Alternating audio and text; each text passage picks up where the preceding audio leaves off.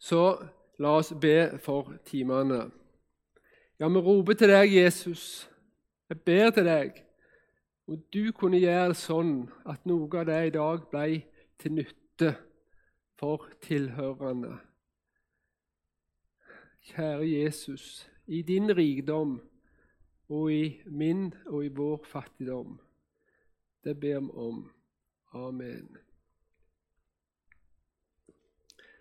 Ja, du har aldri blitt satt til en oppgave i Guds rike som du er i stand til å makte, sa Fritz Larsen på en tale jeg hørte. Og det kjenner jeg meg igjen i. I fjor i juni så fikk jeg òg lov å være med på dette forkynnerkurset. Eh, og da var det faktisk ganske mye det samme. Det er ikke jeg som setter opp temaene sånn, men da var det oppseding og opplæring. Foreldrekallet. Og så var det òg noe om det fjerde bud. Så jeg skal prøve å ikke repetere for mye av det som vi hadde for oss da, og legge det litt opp nå på en annen måte. Nå prøver jeg ut ifra at dere går på et eh, leder- og forkynnerkurs, at det blir mer eh, hvis, får, hvis, vi får det til, mer sånn reflektering. Ikke eh, sånn at jeg bare prøver å fortelle, men jeg gjerne utfordrer litt. Ikke sånne enkeltpersoner, men, men eh, hva tenker du om det? Og Derfor også blir det litt sånn at dere kan snakke litt to og to av og til i løpet av, av eh, to og to eller tre og tre eh, i løpet av uh, tida. Det er også en fordel at vi sitter litt nært. Så jeg har en, en Å ja, her var jeg god guffe. Den lede, en ledetråd. Noe som skal lede tanken hvordan vi tenker. Og det som er øverst i tanketråden, der det begynner, og det vi på en måte må opp igjen til i tanken, det er det at Gud Det er Gud som er øverst.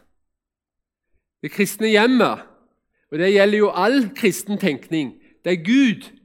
Det er Han som er skaperen.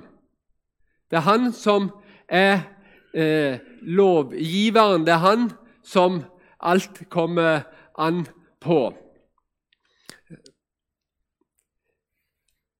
Så har Gud åpenbart seg for oss i Bibelen. Derfor, så Hvis du vil få tak i Guds tanker, så må du gå til Bibelen. Og Det så vi bl.a.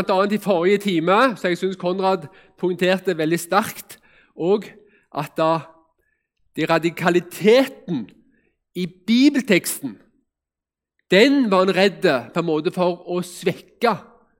Han var engstelig for at han skulle si eller svare på spørsmål på en måte som gjør at bibelteksten At den, på en måte alvoret og, og på en måte konsekvensen og, og, det som bibelteksten sier, at det blir svekka.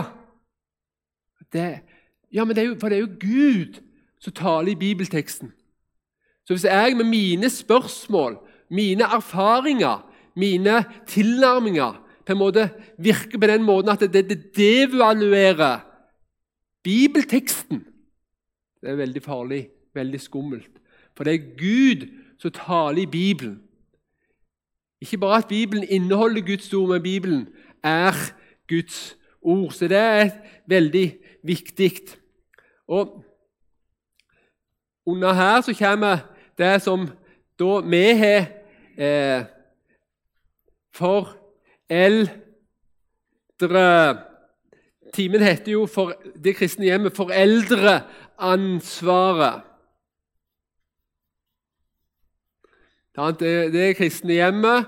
Og så hadde det var Per som har skrevet dette her. Tankesteg for eldreansvaret.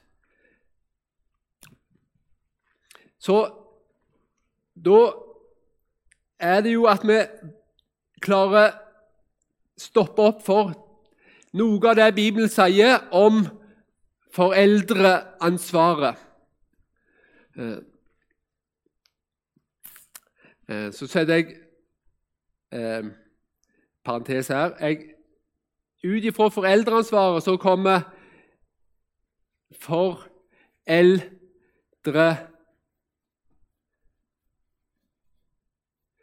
Foreldreplikten. Det er jo en viss nyanseforskjell mellom et ansvar og en plikt.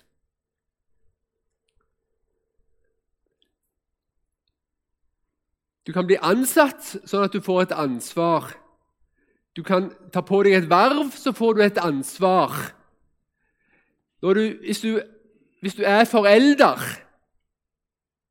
så har du et ansvar. Men det er ikke et ansvar som du sier ja, jeg er villig til å ta på meg det ansvaret. Nei, det er en foreldreplikt. Det er ikke noe du kan velge. Det er ikke noe vi kan forholde oss fritt til. Der er det en, en uh, plikt. Foreldre opp. Foreldreoppgave. Det òg ligger inne i ansvaret. Det er en foreldreoppgave. Og Så er det noe som er viktig, men jeg setter det likevel på siste plass her. Og det er en foreldrerett. Foreldrene har en plikt. Foreldrene har en oppgave. Men hvis noen kommer og sier at da, den plikten som du har, den den eh, skal du få lov å slippe. Da sier vi nei, nei, nei, den, vil, den, den kan jeg ikke slippe. Jeg har jo plikt. Så da, da, er det urett hvis du sier jeg skal få lov å slippe plikten. Eller vi gir plikten din til noen andre. Nei, den er ikke overførbar. den plikten. Ah, til, kan kanskje delegere noe av plikten. Men hvis noen sier du får ikke lov og ta foreldreansvaret. Da kommer den inn i bildet. Ja, Men jeg har en rett.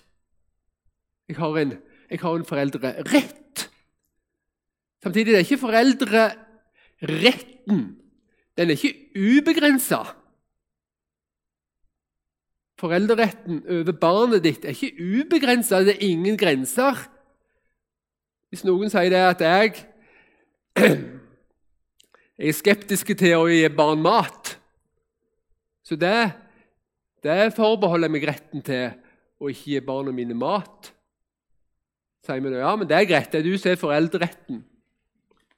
Nei, da setter det veldig på spissen. Sant? Men da får du fram at han ikke ubegrensa foreldreretten. Sant? Han er ikke ubegrensa. Når du gjør et overgrep mot barna, så har det ingen rett, ingen rett til det. Sant? Og det er Først og fremst så står det jo til ansvar for Gud, men Gud har jo innsatt andre ting òg i menneskelivet enn foreldrene. Sant? Myndigheten hos styresmaktene. Styresmaktene er jo innsatt av Gud. Ehm. Så da har du foreldreansvaret her. Eh, så Gud, Bibelen, foreldreansvaret. Eh, og foreldreansvaret nå, nå, skulle vi bare hatt en enda lengre sak nedover her. Foreldreansvaret, det er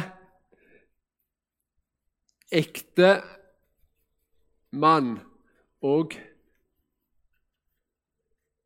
hustru. Det er ektemann og hustru som eh, skal ivareta foreldreansvaret. Eh, kommer jo tilbake til noen av disse. Og det er ikke alltid at, at, det, er, at det er mulig Hvis far dør, Da kan jo ikke han ta foreldreansvaret. Da er det bare hustruen igjen, da. Sant? Så da Så i menneskelivet er det mange vanskelige ting i syndens verden. Er, men, men, i utgangspunktet så er ektemann og hustru. Og Derfor så har jeg tenkt på at det vi skal ta for oss i dag, er, så ligger på en måte unna her eh, Det blir hovedsakelig på én og to, men siden det sto i, i programmet deres, så, så er det på en måte Her kommer hjemmet. Så eh, ektemannen og hustruen de må tenke på hjemmet. De må ta ansvar for hjemmet. De har plikt til å, til å uh, danne, et, danne, et, hjem og lage et hjem. Og ta ansvar for innholdet i hjemmet. Og så oppdragelse. Så de har ansvar for å oppdra sine barn. Hjemmet kan jo òg være uten barn, men i og med at temaet i dag er foreldreansvaret, så, så forstår vi jo at da, da er det jo ekte par med barn vi har som hovedfokus i dag. Og opplæring Det går akkurat der. Opplæring. Eh, dette her får veldig tydelig fram at opplæringen er hjemmet, ektemann og, ek og hustru, som har ansvar for opplæringen. Eh, tidligere i Norge, og i lovverket ennå i Norge, så er det, er det på en måte eh, Det er ikke så vekt på ekteskapet mellom mann og kvinne. Det, dessverre, vi kan ikke gå inn på det. Men at at foreldrene har hovedansvar i teorien for opplæringen, det er ennå hjemla i vårt norske lovverk, men vi ser jo at det er veldig på retur. Hvis du spør det, mannen i gata, så vil han, mange vil si at det er staten. Nei, det er ikke staten. Men på en måte, foreldrene har lov å spørre om staten og kommunen vil hjelpe. Og Det kommer den offentlige skolen inn i bildet. Men hvis foreldrene syns at det hjelpetilbudet så, så det offentlige ikke eh, er godt nok, så kan de ordne opplæringen på andre måter. Og I Norge så er det jo offentlig skole da ett alternativ. En skole drevet av andre er et annet alternativ. Det vet dere jo at jeg har vært veldig ivrig for. Jobba mange år i i friskolesektoren. Og heimeundervisning. Jeg egentlig eh, syns at det er noe som vi skulle ha vært mer oppmerksomme på når det gjelder eh, heimeundervisning. For det er mor og far som har ansvar for opplæringen. Men det er ikke så lett, syns vi, hvis vi ikke er kjempegode i engelsk så er det ikke så lett å lære ungene engelsk. Hvis vi ikke er så gode i matematikk, så får vi ikke det til. Eh, og noen syns at det er kan være vanskeligere enn sånn praktisk med, med å få tid eh, å undervise ungene hjemme. Og du kan ha andre eh, hensyn òg som du tar hensyn til. At du eh, ønsker at de skal få lov å være med jevnaldringer og sånne sosiale ting. Og det er mange hensyn å ta.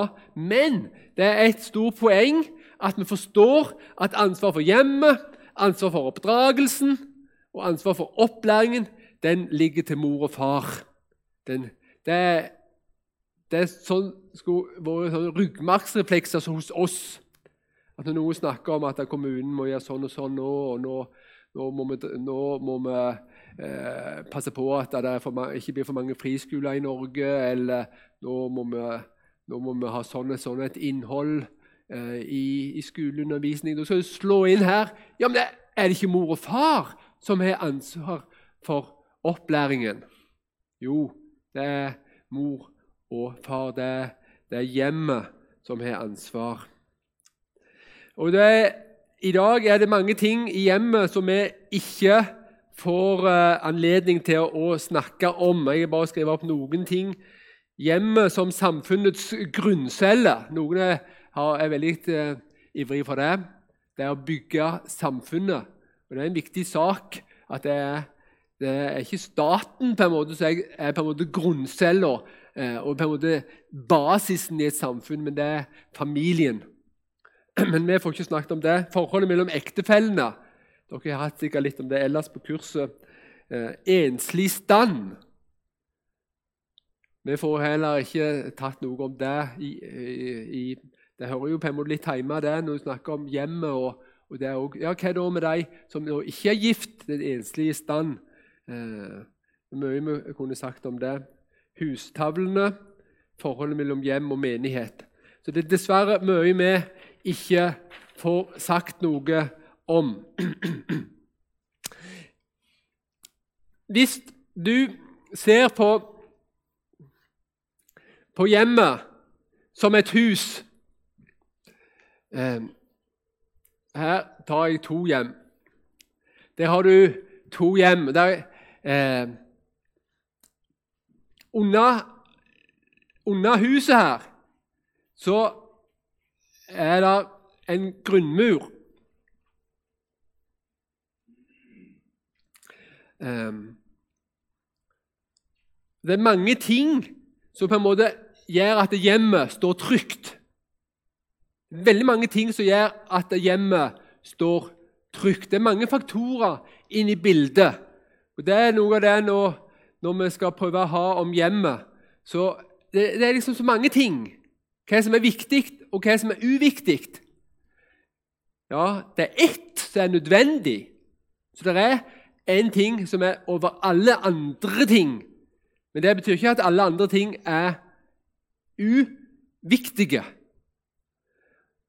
Bare det at uh, Hvis jeg hadde sagt til deg at uh, du bor jo så nærme Fossnes, uh, og i din familie så er det jo veldig mange Det er bare én ting som er viktig, så, så nå bare tar jeg bare bilen din. Jeg ville trodd at du syns at bilen den kan ha en, ha, ha en viss rolle i din familie. Sant? Han er, han er jo ikke Er han viktig eller uviktig? Ja, ja. Det kan være veldig viktig å ha bil. Men når det gjelder det som betyr mest, at vi når himmelen i sammen,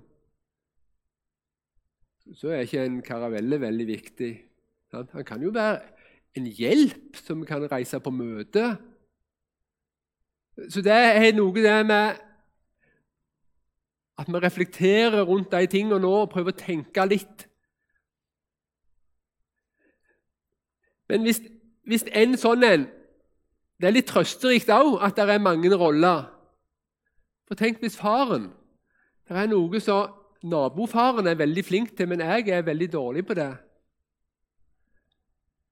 Så raser ikke hele, hele huset raser ikke sammen om en av steinene i grunnmuren ikke er helt topp. Det kan være veldig trøsterikt. det. Men det betyr ikke at det er en god taktikk at da tenker jeg bare, jeg satser bare på annenhver stein her. Sant? Men her er det et annet hus som er bygd på en annen byggemetode, som da er et annet bilde. Og For å få det fram så tegner jeg bare én. For dette huset her, det kan jo være inspirert av lekablokk eller noe sånt. Dette huset her, det er jo inspirert av en eldre byggemetode der de hadde hjørnesteiner på huset. Og da eh, var det sånn at hjørnesteinene var veldig viktige.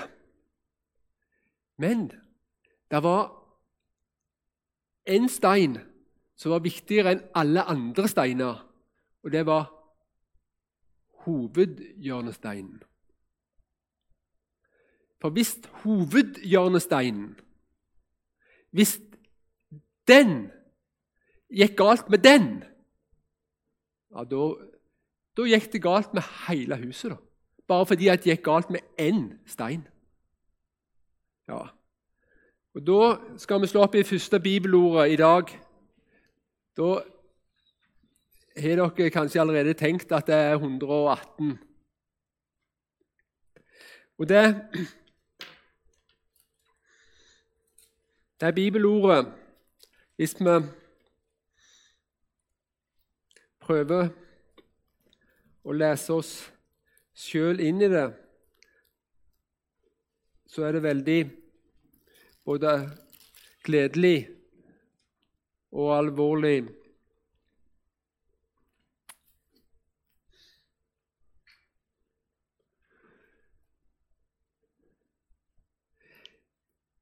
Den, den stein som bygningsmennene forkastet, er blitt hovedhjørnestein.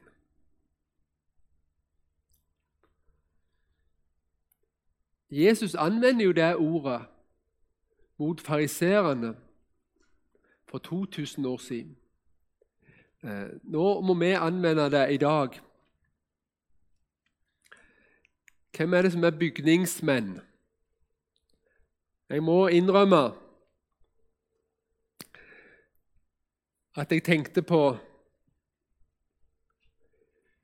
timeplan for forkynner- og ledersamling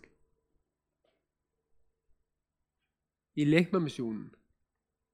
Det er vel bygningsmennene i Lekmannsmisjonen som jeg skal prøve å si noe til. Det må være en fristelse for dere å forkaste hovedhjørnesteinen. For bygning, Det virker som Bibelen sier at bygningsmennene har lett for å forkaste hovedhjørnesteinen. Og Som mor og far i heimen så er det jo bygningsmannen som skal bygge en heim. Så er det så Nei, nei, nei, det er vel det mest selvsagte av alt, sier noen. Nei, det, det, er, jo, det er jo klart. Jesus han er, jo det, han er jo det mest sentrale og, og viktigste. Ja, ja, ja. ja. Det skal jeg si.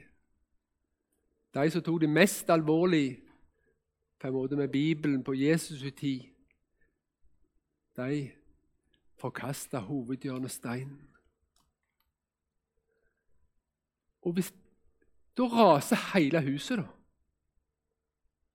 Da raser hele det kristne heimen. Om så skulle skje at skallet sto igjen, sånn at, at du visste hva du skulle gjøre For dem det er veldig vanskelig om det er en annen i menigheten som lever i synd. Ja, Da må vi gjøre sånn og sånn og sånn.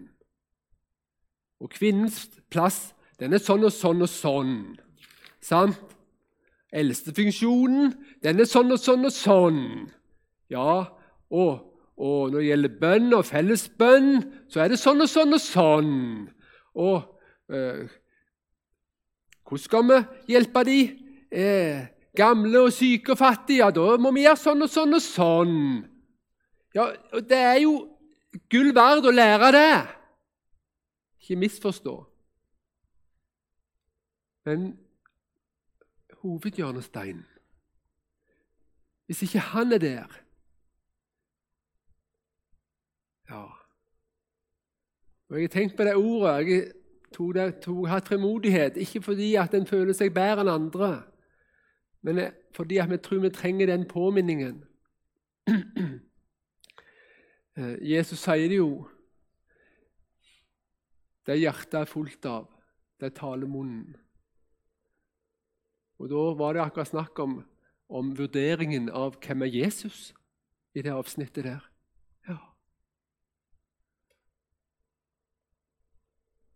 Jesus.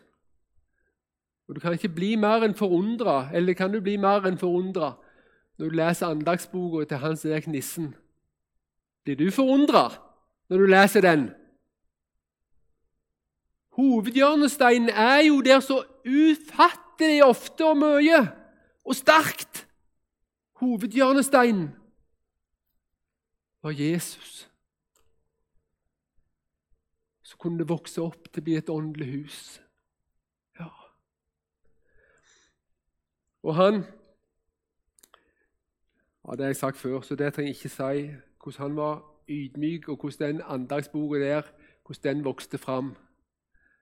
At han fikk stryk av sin bror på første utkast. Så måtte han skrive 366 nye andakter. Og han som stifta luthersk misjon på 1860-tallet, Christian Møller, har dere, har dere, hørt om han? Han var jo veldig streng. Det var, gikk en vekkelse over Det gikk en vekkelse over Bornholm, der han var. Og det var sterkt og mye godt med den. Men så kom gjennom lesning av Rosenius For Rosenius var jo på høyden, eller han døde jo i 1868, Rosenius. Så eh, han begynte å lese det som Rosenius skrev og sendte ut, og han forsto jeg er ikke frigjort i evangeliet. Jeg har ikke hovedhjørnesteinen. For det han var en av de betrodde forkynnerne i den vekkelsen. Så kom han gjennom til frigjørelse og så det er jo Jesus som er hovedhjørnesteinen. Og Det måtte bli et brudd med den andre sammenhengen. Og Han eh, nådde, og han fikk snakket over, jeg tror det var i 1866, to år før Rosenius døde. Så var Christian Møller i eh, Stockholm og snakket med Rosenius. Og, og det ble danna eh, eh, en ny misjon, luthersk misjonsforening. Og det ble sagt det om Christian Møller. Det var en brann i hans hjerte for to ting. Nå gikk Lars, men var, Lars hadde en replikk litt tidligere i dag. så jeg... Eh, for det er mange, mange moment her. Men det var noe med det om forkynnelsen. For når Christian Møller hadde, hadde fått Jesus som egentlig sitt eneste gode og sitt eneste håp og sin store glede, så For det var jo den frie nåden der alt var ferdig og tilgitt glemt. Det var det han fikk kaste anker i. Han var fri i Kristus.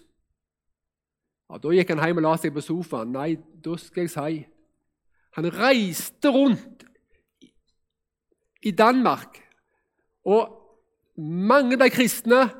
Og det ble mange nye forsamlinger, mange nye foreninger for luthersk misjon.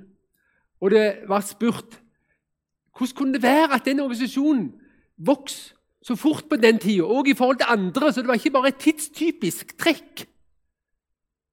Det var Christian Møller. Men hva var det med han? Han hadde kommet inn på hovedhjørnesteinen. Det var en som var i en helt særegen stilling i hans liv, og det var frelseren for fortapte syndere. Ja, hovedhjørnesteinen. Snakker vi om Danmark i gamle dager? Ja, men vi snakker òg om det kristne hjem. Ja, Vi snakker om et kristent liv. Vi snakker om hvordan mennesker kan vokse opp til Han som er hodet.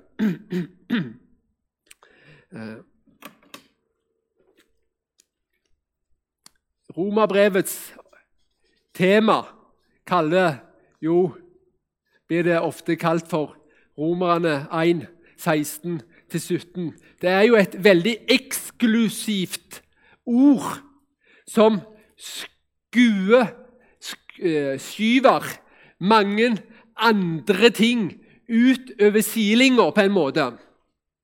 Og hva er det jeg prøver å si med det? Jo, at hva er Guds kraft til frelse? Jo, sier romerbrevet, det er kun én en, eneste ting. Det er kun én en eneste ting som er Guds kraft til frelse. For jeg skammer meg ikke ved evangeliet, for det og Da er det i eksklusiv betydning. Det og intet annet, altså, er en Guds kraft til frelse for hver den som tror, både for jøde først og så for grekere. Altså for alle mennesker på kloden er det bare ett eneste frelsesmiddel. Bare én kraft til frelse. For i evangeliet åpenbares Guds rettferdighet av tro til tro. Som det står skrevet, den rettferdige av tro skal leve. Så Der var jeg litt opptatt av om jeg kunne klare å formidle noe av det der. Ja, Midt i alle disse tingene som vi skal lære og tenke på og huske og ikke glemme og passe på, ja, så er det en hovedhjørnestein. Det er en hovedhjørnestein. Og en bygningsmann i Guds rike, han må sjøl stå på hovedhjørnesteinen, og han må være seg dette bevisst. Så kan vi tenke på det med det kristne hjemmet. Det med det kristne hjemmet. Det er jo, alle har jo vokst opp i et hjem. Så alle vet jo hva et hjem er. Men samtidig vet alle, eh, satt på spissen, bare om sitt hjem. Iallfall sånn skikkelig for innsida. For det er jo der jeg vokste opp.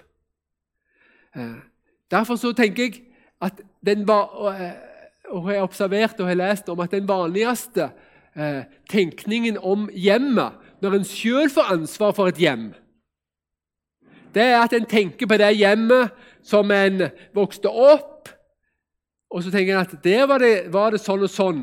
Noen syns det var veldig mye bra, andre syns det var ikke så bra. Det, når en er voksen, så vurderer en det hjemmet en vokste opp i. Og så prøver en å trekke ifra det som en syns ikke var så bra i sitt eget hjem. Og så prøver en å plusse på noen ideer som en har fått mer eller mindre.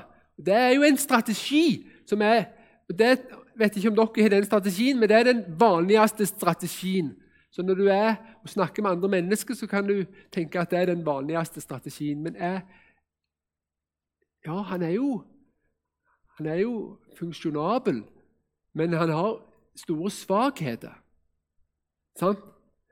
For hvordan kan vi, hvordan kan vi få Guds ords lys inn over heimen vår? Hvordan kan vi få Guds ords lys inn over vårt ansvar, over våre disposisjoner, over vår Så det er det tenker jeg er en viktig refleksjon som du skal gjøre deg og tenke Når du tenker på hva er det gode hjem Når du skal Noen har jo ikke barn her. Sant? Noen er ikke gift. Noen er, har barn i ulik alder. Noen er besteforeldre og ingen barn i huset, men de har jo fremdeles sine barn, som er en veldig ulik situasjon. Men vi kan alle lære, og vi kan være til hjelp, og vi kan snakke om dette med hjemmet. Det er jo et, et veldig viktig tema.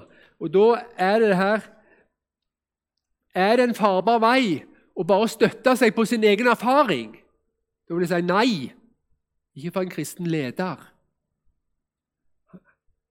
Ikke for en som vil, vil gi kristen veiledning. Så, så Derfor så skal du på en måte være litt på vakt når, når folk sier at da, 'jeg pleier å gjøre sånn', eller I, I, mitt hjem har det vært sånn', eller Det kan være visdom i det, men du skal likevel være litt på vakt. Men hvis noen sier jo, 'Jeg har tenkt på det at ut ifra Bibelen, her i, her i dette ordet her', så tenker jeg at det har stor betydning. Å, da er det ikke ei annen vekt i deg ja. Skal du tenke på deg sjøl når du veileder? Hva er, hvor din autoritet sitter henne når du veileder om hjemmet? Er det din egen opplevelse? Er det din egen erfaring?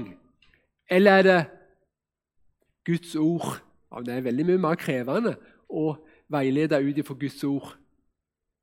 Ja, Men det er en helt annen kvalitet enn at jeg sier hva jeg føler har fungert.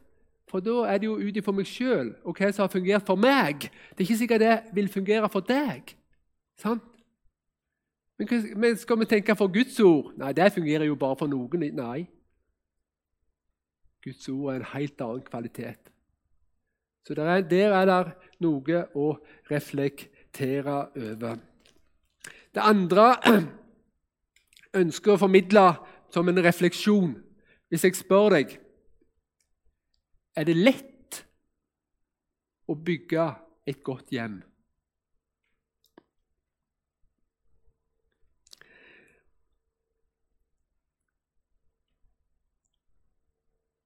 Hvis vi ser på statistikken for skilsmisse i Norge, så høres det vanskelig ut. Hvis vi ser på vår egen erfaring din egen barndom.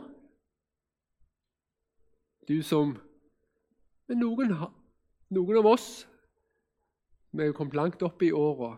Vi kan òg tenke på vår egen barndom, men vi kan òg tenke på når vi fikk anledning sjøl. Og alt skulle bli så bra. Nei, det var vanskelig. Det var vanskelig. Det var veldig krevende. Ja så kan vi se i Bibelen. Adam og Eva fikk de det godt til? Det er i hvert fall sørgelig med Kain. For det er, noe, er ikke det noe av det høyeste ønsket i, i heimen? Det er jo hvordan det går med barna. Er det ikke det? Og ja, ja, ja, vi har gjort alt rett. Men bare halvparten av våre barn er Guds barn. Ja, det er mange moment. Ikke misforstå den. Barnet er sjøl en egen aktør i eget liv. Men blir vi ikke små? Ja. Eli, ypperste presten. Hvordan var det med han? Skulle ikke han ha de beste kvalifikasjoner? Hvordan var det med David i hans liv? Ja, noen av de store heltene i Guds rike. Hvis du leser konge- og krønikebøkene det, det er som en berg-og-dal-bane. Er dere enige i det? Hvis du går nesten opp til den høyeste toppen i kongerekka Hiskia, husker han? Her oppe skal du gå til sønnen hans, må du grave deg ned i bakken her. Manasse. Og så kom Amon. Manasse den forfar, han fikk jo den lengste regjeringstid i tillegg, han, av alle kongene i hele Israels og Judas historie. Og Amon fikk veldig kort tid. Han òg. Forferdelig konge. Så kom Josia. Kjenner dere han?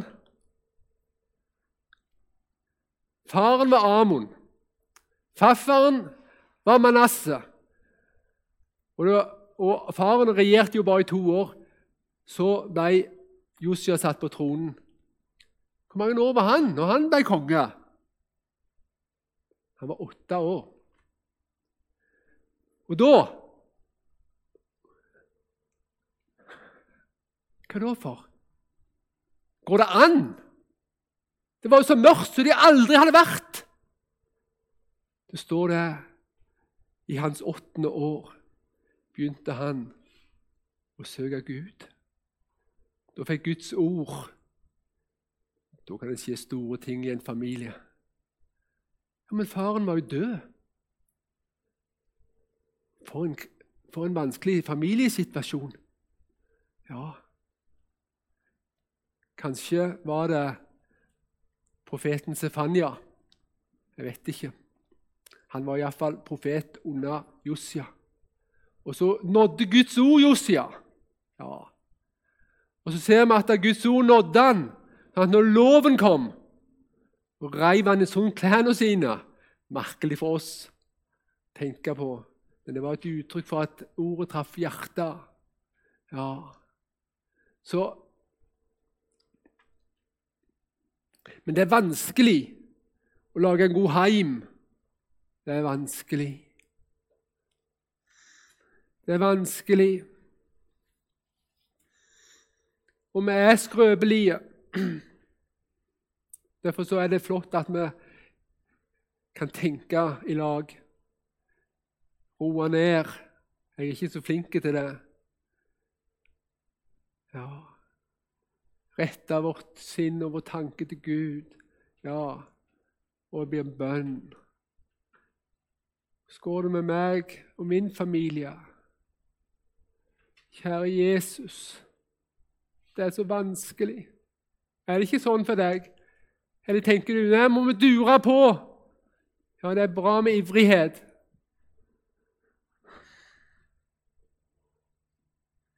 Ja, det er veldig bra. Det er Guds velsignelse som gjør rik. Ja. Det står i uh, Luthers forklaring til er det den fem, Jeg husker ikke helt den femte bønnen om, uh, om syndenes forlatelse. Uh, for vi synder mye hver dag og fortjener bare straff. Nei, det er ikke sant. Jeg har iallfall ikke forstått det.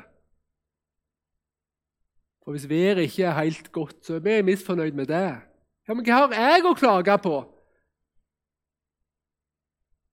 Hvis Martin han er jo den verdens snilleste mann Hvis han hadde gjort livet surt for meg, er det noe å klage på? Jeg fortjener jo bare straff synder jo mot Gud. Ja. Og så øver han meg med gode gaver. Ja, ja. Så sånn sett så kan jeg jo forstå at det er mye problem i familien, mye utfordringer. Ja, Fortjener ikke bedre. Men tenk at Jesus er så nådig. Åh. Det blir vendt oppover. Det blir vendt opp til Han som er alle gode gavers giver. Ja, det er det. Det er ikke noe annet å si om det. Det var noen innledende refleksjoner. Å, så tida går. Og det er ikke noe om du ikke har lært noe i dag. Det gjør ingenting, for du har god tid sånn sett. Men om du kunne om vi kunne få lufta Jeg har aldri forstått det ordet i, i latterliturgien i statskirka. Vi løfter våre hjerter. Men det er et eller annet med det. Om vi kunne, kunne lufte hjertene til Gud og si 'Jeg er så liten, Herre'. Og så skal jeg bygge en heim. Eller du skal være leder og skal du veilede andre og si noe om det med å bygge en heim. Ja, hva skal jeg si? Ja Du må iallfall si det viktigste. Det er en hovedhjørnestein. Det er en hovedhjørnestein, det er evangeliet. Det er frelsende Kristus. Det er håp om evig liv. Ja, Hvis du ikke har det, altså Ja Så er ikke alt annet likegyldig, men egentlig så har du ikke fått tak i det, som alt kommer an på. Ja. Hvordan kan du få det inn i hjertet til ungene dine? Ja. Sånn at de òg kunne forstå noe som jeg ikke forstår så godt, men som Guds ord taler. Det er ikke noe annet navn gitt blant mennesker under himmelen som vi kan bli frelst med. Nei, det er ikke det bygge en kristen heim. Det er så utrolig mange ting. Men det er en hoved. Jeg syns det var, passer veldig godt òg med, med heimen og det huset som du ser for deg.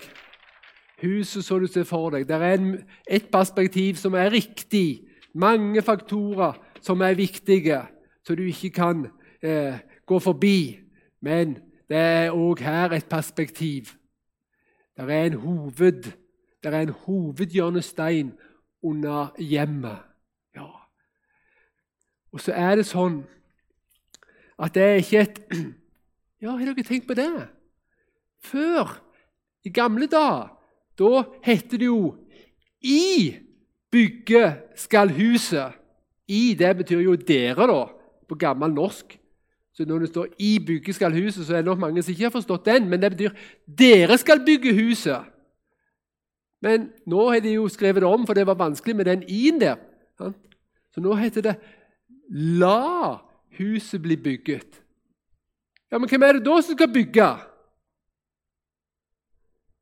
Ja, Du, er, du har to gode perspektivist, men hvis ikke Herren bygger huset, da arbeider bygningsmennene forgjeves. Men bygningsmennene de må arbeide, og så må de ja, I bygget skal huset. Ja, det er, det er noe å gjøre når du har familie. Det er en jobb å gjøre.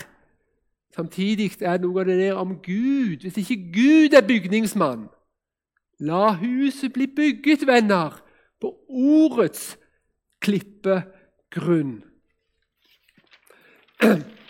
Så litt om denne her ja, nå er jeg snart gått en time. Så da tar vi en liten pause når klokka er om fem minutter. tar vi en pause. Så eh, denne her berømte, berømte pensumlista her Så jeg har ikke fått lest alt på pensumlista. Har dere? Det har jeg vondt for å tro, for den er veldig lang. Eh, og, men jeg har lest en del av dette tidligere, ser jeg. Men denne Gustav Mjåland-boka, har dere fått tak i den? Den vil jeg anbefale. Gustav Mjåland.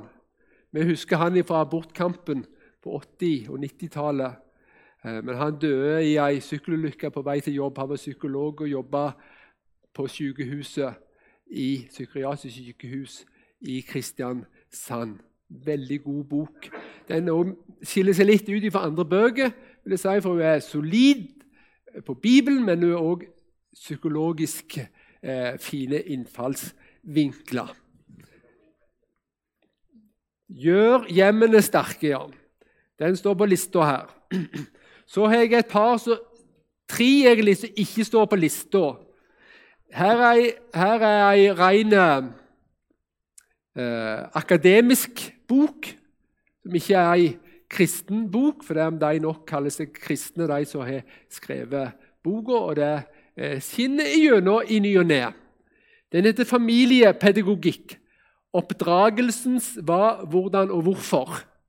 Den, eh, den er veldig, veldig lærerik.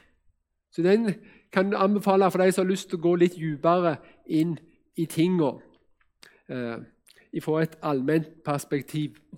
Så er det denne her boka her, som jeg nok hadde trodd her mer kunne stått på pensumlista vår gjør eh, Nei, bygg familien. Bygg familien. Thomas Bjerkholt. Eh, teologisk så sto ikke han oss helt nær på alle ting, men på mange ting. Eh, så den vil jeg si, den er ei god bok som òg handler om hjemmet og familien. Eh, F.eks. For forskjell mellom mann og kvinne og, og, praktiske ting rundt. Det er veldig mye bra her i denne boka. Så den er flott. Så er det en enda eldre bok som jeg glemte å ta med meg. og Det er jo Øyvind Andersen. Den kan du finne på Nasjonalbiblioteket hvis ikke du klarer å få tak i den. Så det er Øyvind med ØI, Andersen. Og den heter da 'Ekteskapet' og hjemmet. Det er jo ei lita bok på 70 sider. eller noe sånt. Det er sånn du leser på en time eller to. Men du blir ikke ferdig så fort med boka. Den kan du ta fram år etter år. Så, det, eh, så hvis du ikke har den, som du ikke har hvis du ikke er på min alder eller eldre For til med eh, når jeg samla mest for bøker i ungdommen, så måtte du få tak i den brukt på et antikvariat. Så den kom sikkert ut rundt 1950, vil jeg tro. Så det er jo 70 år siden. Men den er veldig god. Ja.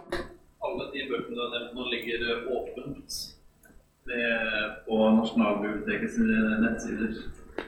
Alle, bøker, alle bøker før som er 20 år gamle, ligger i hovedsak der ute. Så det er masse eh, OP og ja. ja, så nasjonalbiblioteket.no det er en veldig bra plass å, å gå og være der. Samtidig som noen av oss syns det er tungt å lese på skjermen. Men det er veldig bra for sånne bøker som det der. Ja, det er det. Men den er veldig kjekk og god og liten, den boka til Øyvind Andersen.